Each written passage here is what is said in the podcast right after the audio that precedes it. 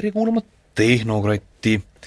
tegemist on äh, kuuenda septembri saatega aastal kaks tuhat kaheksa. seda ütleme nagu ikka kõigile neile ennekõike mõeldes, kes kuulavad meid taskuhäälingust ehk podcastist siis, kui see parasjagu neile sobilikuks äh, osutub. täpsema info leiab aadressilt podcast.kuku.ee, kuna ma umbes vist kuu tagasi, või kaks kuud tagasi, esinesin äh, lühida aruandega, kuidas äh, podcastingul läheb, siis äh, nimelt oleme me hakanud Kuku faile serveerima kusagilt laiast maailmast üle sellise asja, nagu seda on Amazoni S3 ehk Simple Storage Services, mis tähendab seda, et Kukust paiskuvad failid kusagile Amazoni pilve ja meie ei teagi täpselt, kus nad täpselt kuulajateni jõuavad, Amazon hoolitseb selle eest, et see kõik asi toimiks, maksame täpselt äh, baidi maksu nii hoidmise kui transa eest. Ja võib öelda, et äh, eelmise kuu kulu, ehk siis augusti kulu on umbes sama, nagu seda oli juulikuu kulu raadiolehe ülevalpidamiseks, ehk äh, üheksakümmend dollarit suurusjärgus mis võrreldes igasuguste serveri rentide kõikide muude asjade isetegemisega on märkimisväärselt äh, vähe, vaadates, et Infi on liikunud viissada nelikümmend kaks äh, gigabaiti, jagades selle keskmise saate suurusega kakskümmend kolm megabaiti, tuleb meil tulemuseks kakskümmend kolm ja pool tuhat saadete allalaadimist. kuus? kuus, jah. see on väga kõva tulemus ju nojah, selles mõttes nädalas tuleb siis ütleme, jagame neljaga, eks ju, midagi peale viie, ütleme kuus tuhat, kuus tuhat kuulamist nädalas. et niisugune on siis Kuku taskuhäälingu maht hetkeseisuga. Et öö, omaette küsimus, need, kes on tellinud selle siis mõndale juba mingisse taskuhäälingu kuulamise programmi, siis kas nad ka kõik saated on korralikult ära kuulanud võib-olla mõni on vahele jäänud, on küll alla laetud arvutisse, aga vähemasti see on siis see number, mida me sellisel kujul öelda oskame. ah jah, ja ütlemata, et mina olen nagu ikka Pets ehk Peeter Marvet ja seltsiks tegi mulle häält äh, sõber äh, Henrik äh, Roonemaa. tegemist on meil sellise saatega, kus me võtame läbi erinevaid asju, mis meile on uutest äh, silma jäänud või vanadest asjadest silma jäänud äh, ja vot, niisugune saade. see äh, rubriik äh, Oma händ ehk Pets kuulutab järjekordselt, et selleks, et saada pihta Veeb kaks nullile. Ja just nimelt mõeldes selle sihtgrupile, kes on vahest väljaspool meie püsikuulajaskonda ja meie blogide püsilugejaskonda, teen ma järjekordselt kaheksateistkümnendal ja kahekümne viiendal septembril kahepäevast äh, koolitust, Wikid, ajaveebid, folksonoomia ja kõikvõimalik muu Veeb kaks null, mõeldes äh, kommunikatsiooni- ja turundusinimestele, kus äh, mängime selle kõige kasutamise ja ise genereerimise läbi sellises tempos, mis võiks olla vastuvõetav inimestele, kes on siiamaani kippunud maailma vaatama rohkem läbi Exceli ja Wordi, aga kuidas siis kobida oma eluga üle veebi. tehnokraat netist leiab mõistagi lisainformatsiooni. aga meil on äh, ports äh, erinevaid teemasid, mis meil on parasjagu silma, kõrva või ninna jäänud, äh, me Henrikuga tulime saadet salvestama just ühelt poliitkohtumiselt ja seda, see oli, sündis Marianne Mikko eestvedamisel, me kutsume Marianne ükskord ka seltsi, täna tal polnud paraku rohkem aega oma päevakavas äh, põhjuseks üks, äh, üks raport. Hendrik, kuidas sina sellest raportist oled aru saanud? no mina olen saanud sellest raportist aru peamiselt meedia vastukoja järgi või äh, võib siis öelda, et raporti, raportist on sündinud igavene jama, seda eelkõige Rootsis, aga aga ka mõnedes muudes riikides, natukene Eestis ka. raport oli seotud meedia olukorraga kahekümne esimesel sajandil Euroopa Liidus, ning äh, muuhulgas, äh, nagu Marianne Mikko tänasel kohtumisel ütles, ei saa ju rääkida meedia olukorrast kahekümne esimesel sajandil Euroopa Liidus ilma, et sa mainiksid ajaveebe. Ähm, tema mainis siis seal ajaveebe ja esitas ka mõned ettepanekud või mõned äh, probleemid, mida ta seoses ajaveebidega nägi ja ja puhkes igavene torm, sellepärast et noh, hiljem on üritatud väita esiteks, et et paljud inimesed said selle raporti sisust, eriti sellest ajaveebide osast valesti aru ja teiseks, et et ega see raport ei ole ju Äh, nii-öelda kivisse raiutud või see ei ole aamen kirikus ja see ei ole seadus ja see ei ole seaduseelnõu, et noh, see on jah, see on selline ühe kinnitatud arvamus. ühe Euroopa Parlamendi äh, saadiku initsiatiiv, tema selline nägemus või pigem selline probleemi tõstatamine, aga noh, see koht, mis seal probleeme tekitas, oli see, et äh, ähm, tagantjärgi ongi vist raske või niimoodi üheselt öelda, et mis nende ajaveebidega siis on, aga aga no ütleme nii, et seal raportis sisaldas, et nende ajaveebidega vist on mingi jama. ja et tuleks äkki kuidagi mõelda võib-olla mingile reguleerimisele, et seda jama oleks vähem. Ja ega keegi ei ole ka päris täpselt aru saanud siis, et mis jama siis nendega võiks kuidagi märgistada, võiks olla vabatahtlik märgistamine, et kes ütleksid, et me oleme nagu ma ei tea, õiged ja ausad.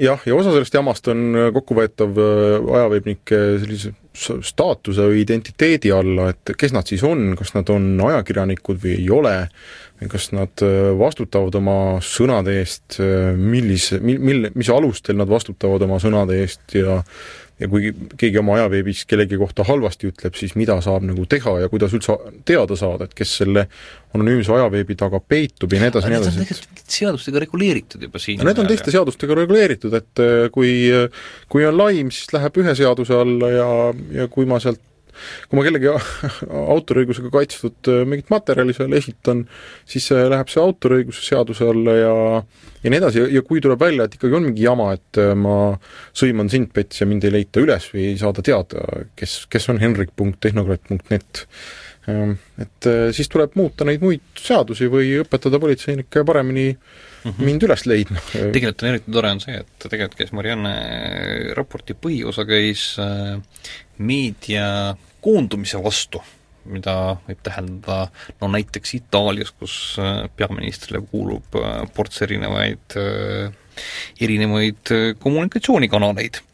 ja mm, eks siin ole ka vist meil Eestiga seotud mõningad suhteliselt suured põhjamaised meediakontsernid. no isegi Eesti internetis tegelikult on ju räägitud, Jüri Kaljundi on rääkinud pikalt sellest, kuidas turg on ära jagatud mõne üksiku suurema tegija vahel, me peame silmas silmas ka reklaamitulu, turgu ja, ja kui keegi tahab mingi uue vahva teenusega turule tulla, siis tal on see suhteliselt raske.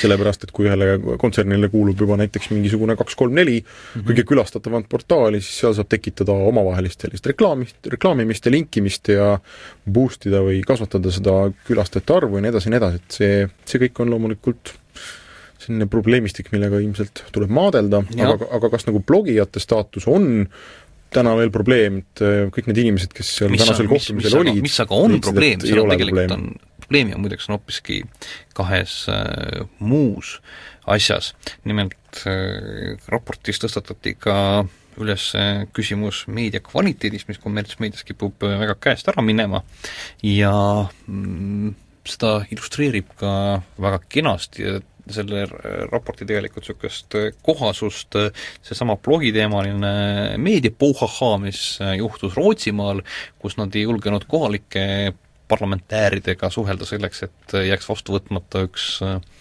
üks seadus, mis lubas kogu Rootsit liikuvat internetiliiklust pealt kuulata. olgu öeldud, et sinna hulka kuulub ka nähtavasti vähemasti mingi osa Eesti internetiliiklusest, ma kardan, et päris suur isegi, on see, mis käib äh, üle Rootsi, siis nad leidsid mingisuguse muu teema, millest juttu teha, paraku neid konkreetseid süüdistusi, mida rootsikeelsest meediast läbi jooksis, jällegi raportist leida ei olnud. ehk äh, veel kord tõestus sellele, et äh, meedia kipub tegema kohati asju, mis on arusaamatud, aga selleks ei pea olema tegemist üleüldse mitte vaba meediaga, vaid võib ka olla täiesti peavoolumeedia probleem, see, et äh, informatsioon, mis jõuab välja, on kontrollimatu. samas aga mina isiklikult tõusen hommikul kell viis üles, selleks et äh, leida paar tunnikest ja raport läbi lugeda. Ja pean mina tunnistama, et äh, sellest pikast Europarlamendi põhimõtetele vastavast dokumendist, mis hakkab pihta retsitatiividega A kuni oli vist umbes NZ enam-vähem, ja siis seejärel on viiskümmend viis punkti, mida kuidagi võiks nagu midagi teha, siis äh, sellest mingisuguse soti saamine, olgem ausad, ei ole, ei ole väga lihtne. ja paluda inimestele, et kuulge, lugege läbi saage nüüd aru, siis äh, noh, jah, ma tunnistan, et ma viskasin sellele pilgu peale juba paar kuud tagasi ja ilma selleta, et äh, autori endaga võiks nagu natukese juttu rääkida, mina isiklikult ei suutnud selle lugemist ette võtta. kuidas sinul oli? noh, ma üritasin ka seda täna lugeda ja väga kaugele ei jõudnud, ma hoopiski mina olen vähemasti läbi lugenud. ja siis ma võtsin ette hoopiski need artiklid, mis sellest kirjutasid ja lootsin, et äkki keegi teine on aru saanud, aga nagu hiljem selgus, siis artikli autorid olid saanud valesti aru, vähemalt Marianne Mikko niimoodi ütles. osad, seal oli osa, osa, osad olid jah, valesti aru saanud ja osad ei olnud, aga noh, see, see kõik äh, illustreerib seda jama minu meelest vägagi hästi, et äh, kui sa ei saa aru raportist ja pöördud meedia poole ja samas räägitakse meedia kvaliteedist ja see, kõik on üks selline suur lõngakera. lõngakera vist isegi on liiga korrapärane selle jaoks, mida ma üritan, äh, üritan öelda, et see ei ole küll lõnga, see on mingi segapudu. nimetatakse, neid asju nimetatakse spagettideks. no igatahes on see, kogu see blogide reguleerimine on praegusel hetkel äh, lahend-, halb lahendus, mis otsib probleemi mm. -hmm. ja, ja sellisena ma arvan, et me ei peakski temast nagu rohkem rääkima, oluline on see, et vähemasti on Euroopa Parlamendis üks inimene nimega Marianne Mikko, kes on huvi üles näidanud äh, mingisuguse, mingisugustki huvi üles näidanud äh, kaasaegse sellise e-ühiskonna või, või internetis info liikumise ja kogu, kogu selle poole vastu, nii et kui näiteks Eestis tahetatakse, tahetakse hakata kehtestama mingisugust ma ei tea, net-neutrality vastast asja või kui meil on vaja, et äh, meid ei kuulataks pealt ja seda ei lubataks seaduste tasemel näiteks või midagi sellist, siis äh, vähemasti on inimene, kelle poole pöörduda jah, ja, ja vähemalt öelda talle, et koputada tema südametunnistusele, öelda, et kuule, sa oled varem ju huvi üles näidanud selle vastu, ole nüüd kena, sul on moraalne kohustus meid ära kuulata ja aru saada jah, ja pange siis tähele, vahetevahel jooksevad juhtivatest blogidest nagu Point-Pointist läbi viited selle vastu, et kas on parasjagu vaja asuda aktsioonile kirjutama kongressmenidele või senaatoritele Ameerikas või siis Kanadas, vahetevahel jooksevad sealt mööda ka vihjed, et tuleks äh, võtta ühendust oma kohaliku europarlamentääriga ja seletada talle üht või teist olulist punkti, siis äh, näed, meil on olemas blogidest teadlik äh, MEP, et meil on võimalik äh, selle kaudu kommunikeerida midagi sinna. aga asju, millest ma aru ei saa, on veelgi ja järgmine neist äh, kannab nimetust Keskus, mis äh, on pikka aega olnud sellises arendusjärgus, ma arvan, et ma olen kusagil isegi endale kirja pannud või öelnud, et mulle tuleks teatada, kui see lahti läheb, ja mul on nüüd viimasel ajal tulnud sealt kaks kirja, et minu keskuse postkastis on on midagi, aga ma pole paraku selleni jõudnud. Hendrik, kas sina saad aru, mis asi on keskus? no ma saan aru jah, sellepärast et mul on ka väike eelis kuulajatega võrreldes, sellepärast et ma olen Jüriga mitu korda rääkinud ja ma arvan, et Jüri on ka siin saates käinud mitu korda, Jüri Kaljund siis, kes on Keskuse tegija. Jüri on käinud ka siin saates mitu korda rääkimas, mis, et ta teeb midagi, mille nimi on Keskus ja et äh, sellest saab selline eestikeelne sotsiaalne võrgustik, nii et äh, definitsiooni järgi või äh, niimoodi öeldes ma jah, tean küll, mis on keskus, aga aga tegelikult oleme, ma arvan, meie umbes esimesed Eestis üldse meedias, kes keskusest räägivad ja kui blogosfääris ringi vaadata, siis äh, hakkab seal silma Jüri ise, kes keskusest räägib, et äh, üsna vaikselt on läinud selle launch ja kuna meil Jüri on ka telefoni otsas, siis äh, tervituse asemel või tervituse kõrval tahakski kohe Jüri käest küsida, et Jüri Kaljundi on siis et, konkreetselt see Jüri, kes on telefoni otsas. et kas sulle ei kas sa arvad ka, nagu me, ja kui näit-, näiteks mina arvan, et ühele sotsiaalsele võrgustikule selline väga vaikne loond, see ei, see ei ole nagu hea märk? Äh, tere siis ka minu poolt, äh, me ise oleme tegelikult natukene seda keskuse aktiivset promomist nagu tagasi hoidnud, sest äh, see, mis meil nagu täna valmis on, on pigem selline vundament või, või üldine infrastruktuur, kuhu peale alles hakata ehitama neid asju, mida me tahame tegelikult sinna ehitada. ehk siis meil on täna valmis äh, raamistik, meil on kasutajate baas, kasutajad on keskuses oma profiilidega, meil on seal kirjakastid, muud asjad, samas me tahame sinna teha palju muid lisa vidinaid, nagu meie seda kuuleme, kasutajatele ütleme, et et äh, võimaldada ühelt poolt välistel arendajatel luua mingisuguseid teenuseid keskuse sisse ja teiselt poolt äh, seda keskust nii-öelda oma blogides, oma kodulehekülgedel kasutada võimaldada. Need asjad pole nagu täna veel päris valmis olnud milliseks ta siis äh, kujunema peaks, et Eesti, eestlastel on ju päris tugev selline kogukond Orkutis ja järjest ka tugevnev kogukond Facebookis, ja Orkut ja Facebook on niigi muutunud viimasel ajal suhteliselt üksteise sarnaseks või nüüd on väga lähenenud oma oma sellises olekus, Orkutisse saab nüüd lisada aplikatsioone nagu Facebooki ja nii edasi, eh, kuhu sa keskuse selle kõrval tahaksid paigutada? eks, eh, eks loomulikult keskus on täpselt samasugune sotsiaalne võrgustik, nagu Orkut ja Facebook seda on. Eh, paljud on küsinud, et noh, miks on vaja üldse eestikeelset võrgustikku ja sama asja küsiti meilt tegelikult siis, kui me hakkasime tegema eestikeelseid fotosaite või videosaite, miks neid on vaja, no täna kas või meie fotosaite puhul me võime öelda, et seesama kasutajabaas, millele me ka keskuse üles ehitasime, on ligikaudu sada tuhat kasutajakontot, ehk siis täna kohalikke teenuseid fotomaailmas kasutavad palju rohkem inimesi, kui kasutavad välismaa teenuseid. ja sama trend on tegelikult igal pool Euroopas, olgu see Saksamaa, Inglismaa kasutatakse ikkagi väga palju selliseid kohalikke sotsiaalseid võrgustikke, Saksamaal on täiesti oma saksakeelsed asjad, Inglismaal kasutatakse nagu väga aktiivselt äh, võib-olla Bibot, mis on küll ka rahvusvaheline võrgustik, aga enamuses täidetud inglise kasutajatega. eks see kohalik lokaalsus on meie jaoks äh, see kõige tähtsam eristuv omadus. ma mäletan, kui sa nagi.ee-d ehk fotosaiti avasid, siis äh, vähemasti mina olin üsna skeptiline siinsamas Kuku stuudios istudes, küsisin su käest, et äh, no Jüri, et meil on tegelikult ju väga palju igasuguseid lääne selliseid fotosaite, mis on äh, väga odavad ja kus on väga palju kasutajaid ja kus on kogu seda mugavust ja mõnusust, et äh, no mis pagana pärast sa arvad, et eestlased hakkavad seda nagi kasutama, aga minu skeptika vist vähemalt sel hetkel oli vale, et nagi on ju päris hästi käima läinud. jah, nagi ja, ja teine meie fotosait fotoalbum täpselt samamoodi, üks natukene noorematele, teine natukene vanematele ja kvaliteeditundlikutele klientidele.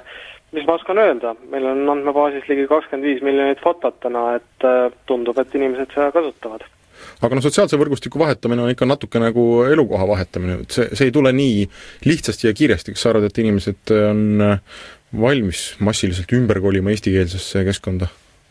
Äh, kindlasti mitte, kui seal uues eestikeelses keskkonnas ei ole midagi, mis oleks rohkem lokaalne või rohkem Eesti kasutajale suunatud, kui seda on täna näiteks Orkut või Facebook. ja noh, mina ütlen alati seda, et äh, tõlkimine ei ole ainukene asi. Facebook on ka tegelikult äh, paljudesse keeltesse tõlgitud ja ja ma ei tea, mis seisus see eestikeelne liides sel hetkel on, et väga palju on Facebookist ka eesti keelde ära tõlgitud kasutajate abil samas äh, tähtis omadus minu jaoks on ikkagi see liidestamine ja ma vähemalt ise küll loodan, et äh, need puhtalt ähm, äh, Eesti firmade, Eesti teiste veebisaitide poolt tulevikus tehtavad vidinad, mis tehakse just selle keskuse jaoks, saavad olema üheks selliseks eristuvaks omaduseks. samas me tahame kindlasti keskusega minna väljaspoole seda oma, oma kinnist võrgustikku, täna meil saab lihtsalt panna oma veebilehele keskuse sellist viimaste tegemiste, oma olekute äh, listi. Noh, mina näiteks tahan väga, et et seesama Twitter, mida USA-s väga palju kasutatakse ja meil väga vähe kasutatakse, et keskus oma olekute ja staatuste listiga oleks seesama eestikeelne lühiteadete ja mikroblogimise platvorm mm,. Milliseid, kuidas sa neid eh, liideseid eh, ette kujutad, sa ütlesid, et mingid liidesed ja midagi on nagu tulemas, mis veel valmis ei ole, aga ja keegi saaks sinna mingeid plugineid kirjutada ja visionääri natuke sealt edasi, palun no mis puudutab neid vidinaid või rakendusi, mida saab panna siis keskuses oma kasutajalehele, oma profiililehele, olgu nad siis mängud või mingid uudistevidinad, valisime oma platvormiks sellise avatud Google'i poolt välja töötatud äh, platvormi, nagu seda on Open Social, äh, teine alternatiiv oleks olnud Facebooki platvorm, aga see ei ole mujal maailmas mujal kui Facebookis väga aktiivset kasutamist leidnud. Open Social täna on äh, pea kõigis suuremates võrgustikes kasutusel, ehk see tähendab tegelikult seda, et kui Eesti arendaja teeb nüüd äh, mingisuguse vidina, mis kasutab tema sõprade listi ja mida saab profiili ja mujale panna, siis väga vähese vaevaga saab sellesama vidina lisaks keskusele panna ka tegelikult MySpace'i, Orkutisse, Google'i esilehele ja minu pärast kas või erinevatesse Hiina ja Jaapani sotsiaalsetesse võrgustikesse. ehk siis see on, see on nagu võimalus kasutaja programmeerib ühe rakenduse, see Open Social on tegelikult hästi lihtne. et meil siin mõned Eesti programmeerijad, kes seda proovisid, tegid oma esimesed vidinad esimese tunni ajaga valmis. see on siis lahendus, mis saab olla korraga nii sinu lehel, mõnes veebiserveris, keskuses, mujal, kasutab näiteks kogu sinu sama sõbralisti, kui see on näiteks mäng, siis see mängu tulemuste nimekiri äh, hinded võivad olla samaaegselt nähtavad näiteks keskuses ja Orkutis. eks see on see protokoll, millega äh, arendaja samamoodi, nagu ta täna võib-olla arendab äh, Windowsile ja siis kõik Windowsi kasutajad saavad seda kasutada, siis tulevikus ta arendab OpenSocialile ja kõik kasutajad saavad äh, eri sotsiaalsetes võrgustikes sedasama vidinat, rakendust, mängu, ükskõik mida kasutada. kuule, mina pole OpenSocialit ise proovinud, kuigi ma põhimõtteliselt olen kaudselt sellest äh, vahet veel lugenud, kui see välja tuli. kas see tähendab tegelikult seda, et ma saan oma mingisuguseid kontosid mujal ka kuidagi siduda või? selles mõttes, et kas, kas sina ka näed äh, kui, kui mina seda luban, minu sõpruskonda Orkutis või kusagil mujal, mis teises kohas, mis toetab sama protokolli või?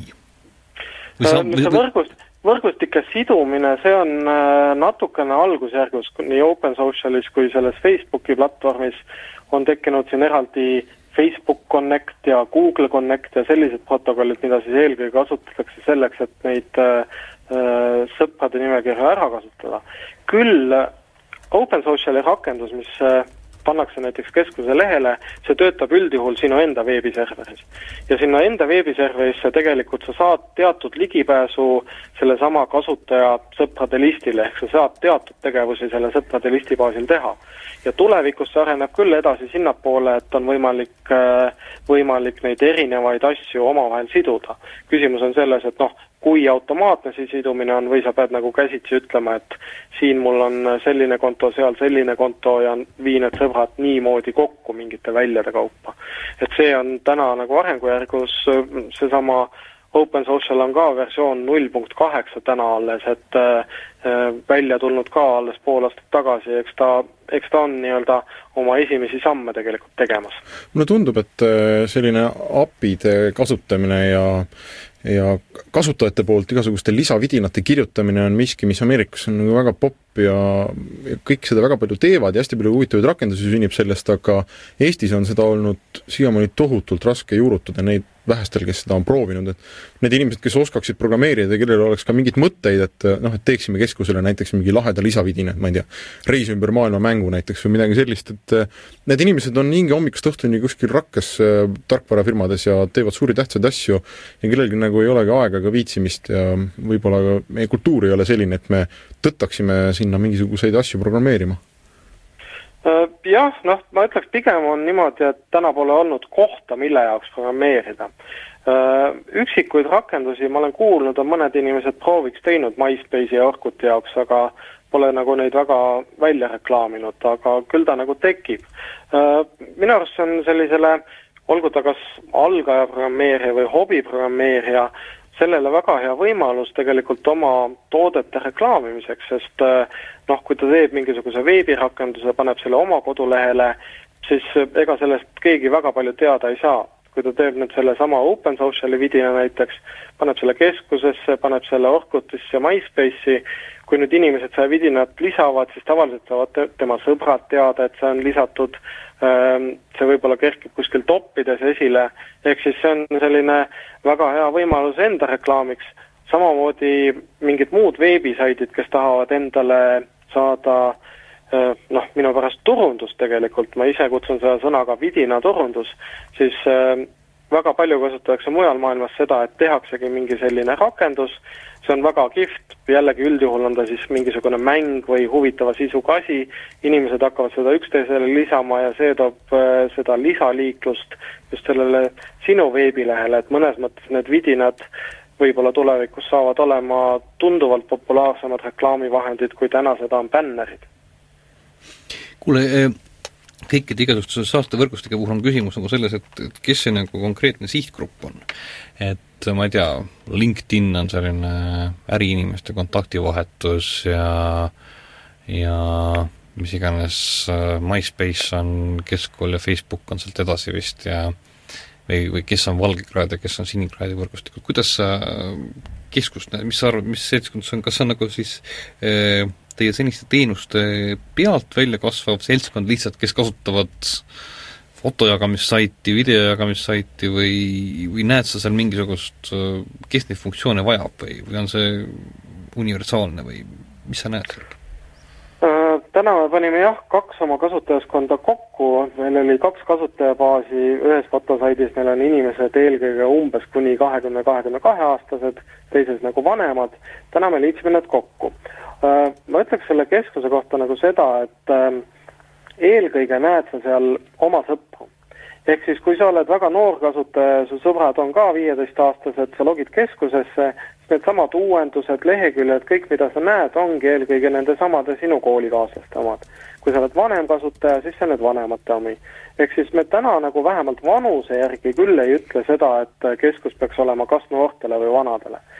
samas me usume, et Eestis Reidil on kuni nende kahekümne aastaste hulgas väga tugev turuosa, teeb oma tegevusi hästi ja, ja sellega me nagu otseselt võib-olla konkureerida ei tahagi. me oleme mõeldud nagu natukene teistsugusele seltskonnale, me oleme neile inimestele, kes nagu tahavadki pigem suhelda oma sõpradega, ehk siis keskuse üks tähtsaid omadusi ongi see uudiste pool.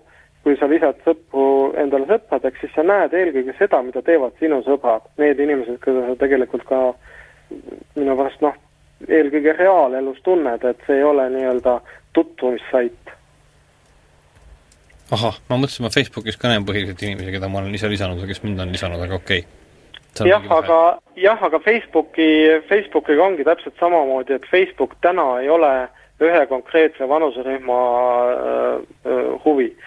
Facebookis on minu teada kas või soomlasi on seal sadu, kuussada, seitsesada või kaheksasada tuhat, rootslasi vist äh, üle miljoni juba täna. Ja, ja on nii noori kui kolmekümne, neljakümne aastaseid täpselt sama palju mm. -hmm, mm -hmm. Nad, nad ikkagi näevad ju oma sõprusringkonda põhiliselt ju. iga, see tähendab, see, see oma sõbra mulje on ju, on ju niikuinii ka nende puhul või? ma ei saa mingist ei. erinevusest aru hästi ma tahtsin lihtsalt seda öelda, et kui me võtame näiteks Biibo sotsiaalsetest võrgustikust mm, -hmm. kui me võtame Reidi, siis need on, või MySpace'i, siis need on olnud suunatud näiteks väga selgelt just nooremale kasutajaskonnale. Mm -hmm. just tänu sellele, et nad on olnud selles mõttes palju avatumad, et sa surfad seal rohkem ringi, vaatad, mida seal ka sulle tundmatud kasutajad teevad. Facebook, äh, Orkut ja Keskus on kõik suunatud eelkõige sinu sõpruskonnale mm -hmm. ja seetõttu nad ei ole nagu seotud konkreetse vanuserühmaga mm.. ahah, ahah, ahah. okei okay., aga me selle koha peal tõmbame keskuse otsad kokku vist jah, eks siis jääme vaatama, mis sinna juurde lisatakse ja kui meeleldi kasutajad sinna liikuma hakkavad. aitäh, Jüri! palun, palun!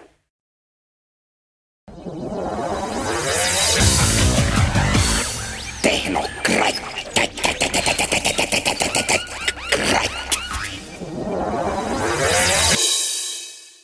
tehnokratt äh, jätkub, stuudios on endiselt Petsek Peeter Marvet, Petsikil on seltsiks äh, sõber Henrik Roonemaa, ajakirja digipeatoimetaja. ja meil on täna selline igasugustest asjadest rääkimise äh, saade ja Henrik on proovinud igasuguseid asju, mida mina pole mitte proovinud. ja võtaks mõne neist sellistest ette.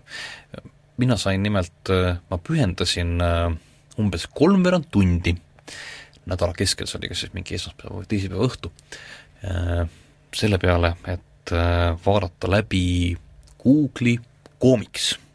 Comics, mis äh, rääkis uuest veebibrauserist, Google Chrome'ist, mis selleks hetkeks polnud küll veel välja tulnud, küll aga millest oli saadetud maailma juhtivatele blogijatele Eh, raamatukesed ja mõned raamatukesed, mis pidid jõudma siis saksa blogijatele, jõudsid vist natukene varem kohale kui plaanitud. mistõttu koomiks tuli siis välja ennem kui uudis, aga ma arvan, et niimoodi oligi hea, inimesed said väga kenasti uudise tulekuks ette valmistatud mm,. mina olen vaadanud läbi koomiksi, mina ei ole jõudnud proovida Chrome'i. Hendrik, sina oled proovinud Chrome'i. räägi, kuidas, kuidas, kuidas, kuidas sa kirjeldaksid seda elamust? Chrome on siis jah, Google'i uus brauser, mõnevõrra on isegi üllatav, et et, et Google sellega just niimoodi välja tuli, sest Google on ju varem tulnud oma teenustega välja hoopis noh, PR-i mõttes täiesti teistmoodi. pigem vaikselt, pigem on need lihtsalt netti püsti pandud, pigem on istunud aastaid nagu betas, pigem on tehtud enne mingi suletud demo, nagu me mäletame, et Gmailiga oli, eks ole, kus tuli taga ajada inimesi, kellel juba on seal konto ja kes said sulle kutse saata või et nad on kuidagi hästi niimoodi järk-järgult tekkinud, aga aga see Chrome'i launch oli noh, peaaegu juba andis sellist Apple'i mõõtu välja, et tohutu saladuskate, aastaid on sumisetud sellest, eks ole, et väidetavasti kuus aastat arendatud. kuus aastat arendatud, aga, aga, aga noh, inimesed meie ümber on ja oma ajaveebides on ju rääkinud aastaid-aastaid, et no ikka kohe tuleb Google'i, Google'i brauser ja kohe-kohe tuleb ja ei ole näha olnud ja see kõik on, kõik on väga selline Apple'ilik, kas pole.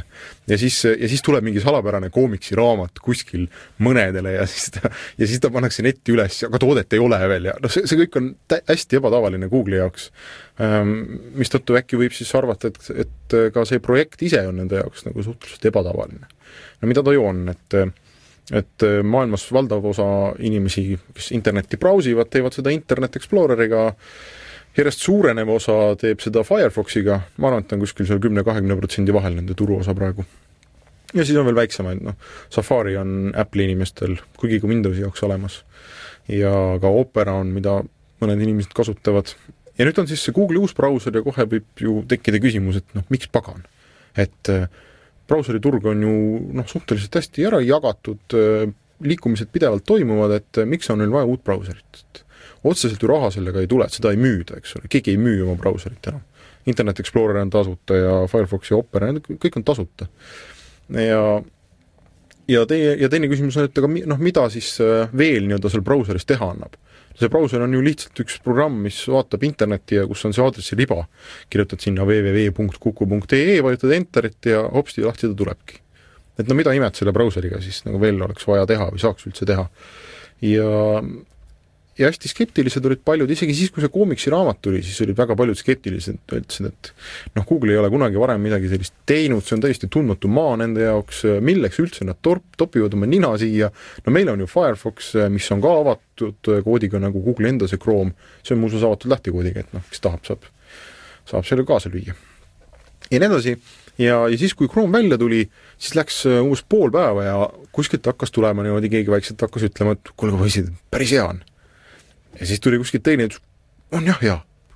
ja, ja on ka nagu vigisetud, loomulikult versioon on null punkt, null koma kaks midagi või et äh, kaugel veel lõpp null koma üks, jah. no null koma üks ilmselt oli veel nagu väga sisemine, null koma kaks toodi siis avalikkuse ette. aga, aga on hea ja on tõesti seal selliseid asju, mida on nii nii-öelda kapoti all kui, kui väljas on, on selliseid asju, mida mis, mida oli vaja või mina panen tähele, et kuigi ta on selline testiversioon ja kohati käitub imelikult, noh näiteks Facebookis ja Orkutis käitub ta üsna imelikult.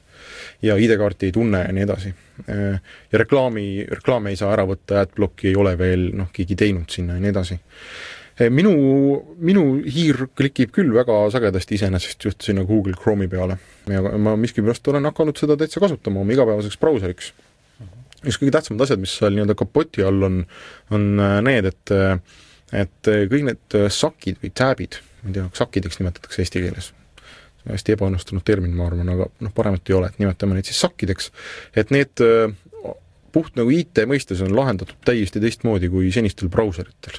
nimelt iga, iga see sakk, mis sa avad, on, on arvuti jaoks eraldi protsess või noh, piltlikult öeldes käivitatakse brauser iga kord nii-öelda uuesti või mingi osa brauserist ja kõik see, mis seal saki sees toimub, hoitakse nagu, nagu liivakastis kinni või sandboxing on see inglisekeelne termin, ehk äh, kui ühes sakis on mingi jama, näiteks on mingi kahjulik programm jooksev või on, üks sakk on selline, mis tõmbab brauseril hinge kinni, laeb seal midagi kohutavalt pikalt või mis iganes, siis erinevalt teistest brauseritest äh, ei juhtu teiste sakkidega midagi. et kui üks sakk jääb siin uimerdama, klikid teise peale ja sa saad äh, arvutit normaalselt edasi kasutada, noh näiteks Firefoxil või Internet Exploreril on terve brauser sellega lõõtsutab, kui, kui üks, üks sakk midagi imelikku teeb või samamoodi Google väidab, et et noh, praktiliselt ei saagi Chrome kinni joosta või seal ei saa tekkida mingeid jamasid, et kui tekib jama, siis see tekibki sealsamas ühes sakis. ehk äh, Firefoxi puhul on minul küll päris tihti ette tulnud seda, et äh, lihtsalt programm viskab ennast kinni ja ütleb, et error. Noh, väga lihtne näiteks on see, kui sa ID-kaardiga üritad, üritad kusagil netipangas just makset allkirjastada või midagi, siis minul näiteks paneb alati kinni no vot, nii et Google väidab, et äh, kuna, kuna iga sakk on eraldi protsess, siis kõige halvem, mis saab juhtuda, on see, et see sakk pannakse kinni aga sinu ülejäänud aknad ja sinu ülejäänud tegevus, äh, pooleli olev tohutu pikk blogipostitus näiteks, need kõik jäävad alles, nendega ei juhtu mitte midagi. ja nad väidavad ka, et see turva mõttes on täiesti nagu uus lähenemine, nad on ostnud ära terve hulga erinevaid väikseid firmasid, kes on tegelenud selliste tehnoloogiatega, mis peaksid siis takistama pahalastel brauserist üldse sinu arvutini jõuda. Äh, et, et peaks olema siis ka nagu oluliselt turvalisem ja midagi muidugi, mis on väga oluline, on see, et teatud äh, internetilehekülgede puhul on Chrome tohutult kiire. Ja, ja mitte lihtsalt kiirem kui teised, vaid erinevad testid on näidanud, et ta on tohutult palju kiirem kui teised. Ja see puudutab JavaScripti nimelist asja.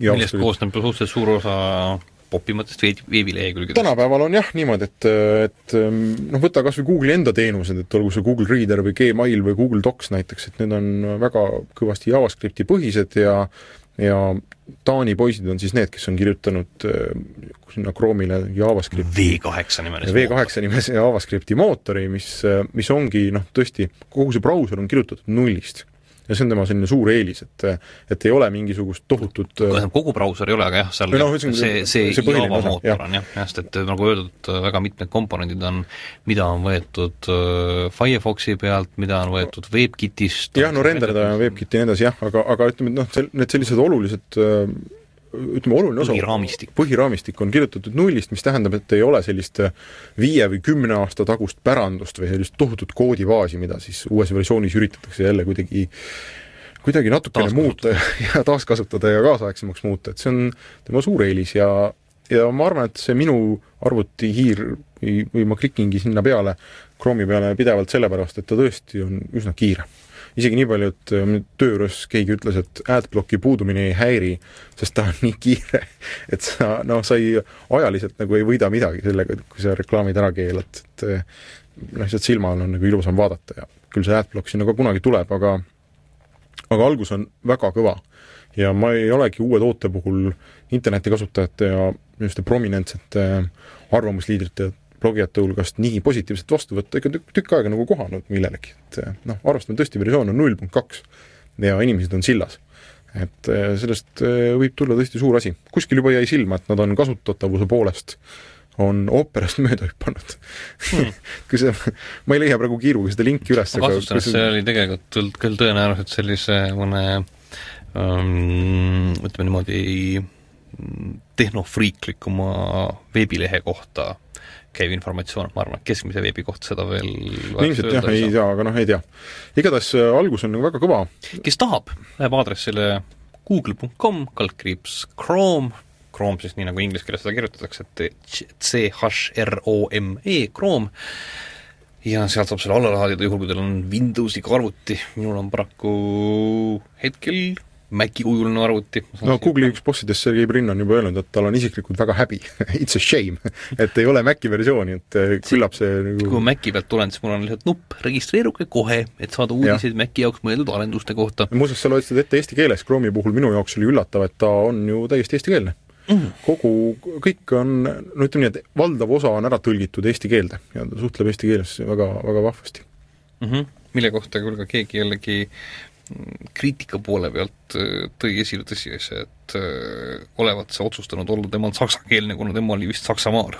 tema ei ole üldse mitte sakslane, tema tahtis ingliskeelset seda saab ise muuta ka laadis selle alla ja, ja ingliskeelsena ja nii edasi ja nii edasi ja nii edasi ja ikka läks selleks. nojah, eks igal asjal leiab äh, omajagu kalasid, nii et Chrome on kindlasti asi, mida tasub vaadata, mitte ainult, kindlasti ka proovida. oled sa midagi veel proovinud või? Me saime sinuga kokku viimati suursugusel üritusel, kus EMT äh, lansseeris iPhone'i. see oli see öine üritus, see oli peale, peale meie olid eranditult väga trendikad inimesed. no Enn Sarve nägin ka, kuigi ta on ka tehnokraat, nii et ta kuulub ka mittetrendikate inimeste hulka. aga tõepoolest, see, kui ma siin Chrome'i enne kiitsin, siis umbes sama pikalt ma võin kiita iPhone'i ja ma olen endas juba täitsa üllatunud, sellepärast et äh, ma olen üsna skeptiline olnud iPhone'i suhtes äh, pikalt ja mina ka, nagu, nagu näha, ma ei kasuta seda. ja nagu näha, ma ka veel ei kasuta.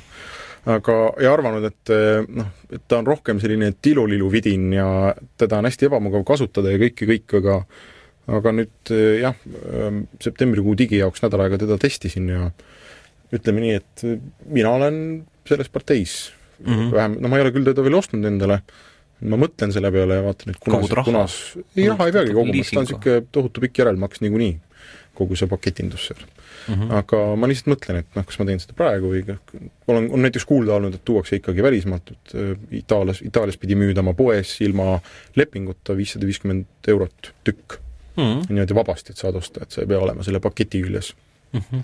et eks siis tasub nagu kalkuleerida. aga aga mulle isiklikult meeldiks niimoodi järelmaksu võtta nagu võib-olla pangalt.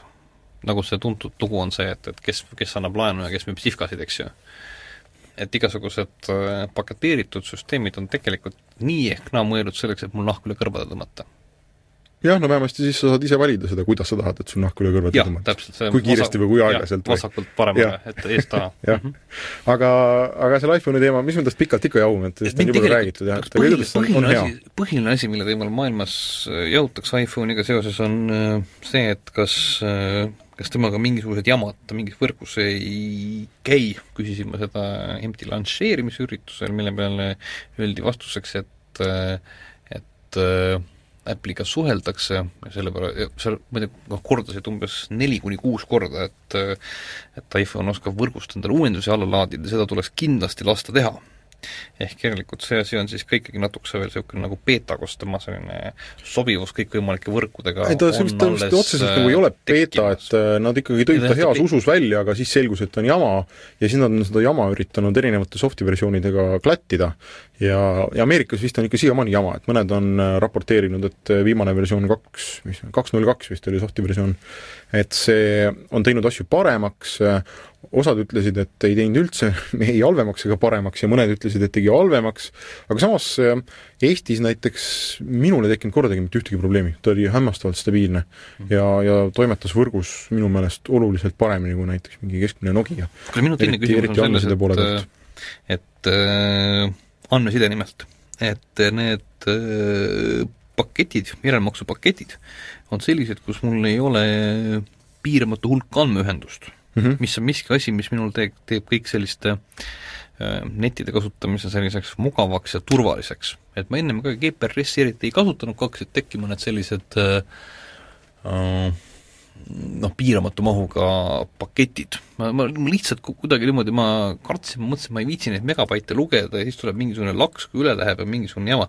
kas sa vaatasid oma nädala jooksul et mis sul selline see andmevahetusmaht tegelikult tekkis või? ma muide, ma ei, ma ei installinud äh, seda lugejat, ma igaks juhuks vahetasin küll paketi sellise vastu, kus vist oli kas ma ei mäleta, neli-viissada mega mingit andmemahtu mm, -hmm. aga, aga temal on see vahva asi, et tal on hästi mõnusalt lahendatud wifi süsteem Mm -hmm. nimelt iga kord, kui sa andmesidesessiooni hakkad püsti võtma, siis ta igaks juhuks vaatab enda ümber ja küsib, et äh, noh, kuule, leidsin wifi, äkki tahad seda hoopis kasutada mm? -hmm. suvaline, kui mingi lahtine wifi.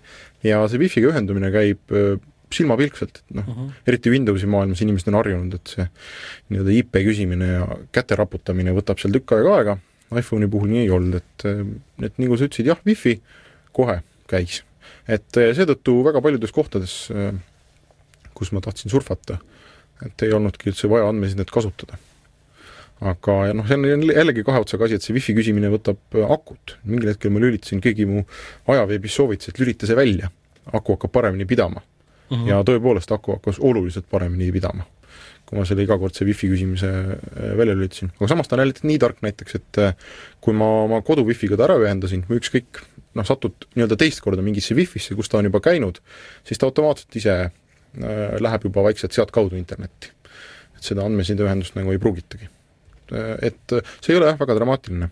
ja eriti kui arvestada, et sa teda arvutiga ju nii-öelda modemina kasutada ei saa. seda, see mingisugune soft kunagi oli, aga selle Apple killis ära, sellepärast et see vist ei meeldinud jälle mobiilioperaatoritele. et, et sellega on mingid jamad, siis sa ikka oled nii-öelda seal iPhone'is üsna oma andmeside megabaitidega kinni ja kuigi see brausimine on sul hästi mugav, kiire, mõnus, ekraan on suur, noh, kõik, kõik, kõik nii nagu peab, siis siis aku muidugi, aku kestvus paneb selle põntsu, et noh, ega sa tundide kaupa päevas lihtsalt füüsiliselt ei saa temaga igast huvitavaid asju teha, sul saab aku tühjaks. ja eks ta keskmiselt niimoodi oligi, et noh, ütleme pool tundi päevas näiteks brausida, noh, natuke seal ka meili lugeda ja mingeid asju teha, pilte saata näiteks kellelegi, siis aku lõpuks pidas kuskil paar, võib-olla paar-kolm päeva maksimum. noh, kujuta ette, kui sa nüüd mm -hmm.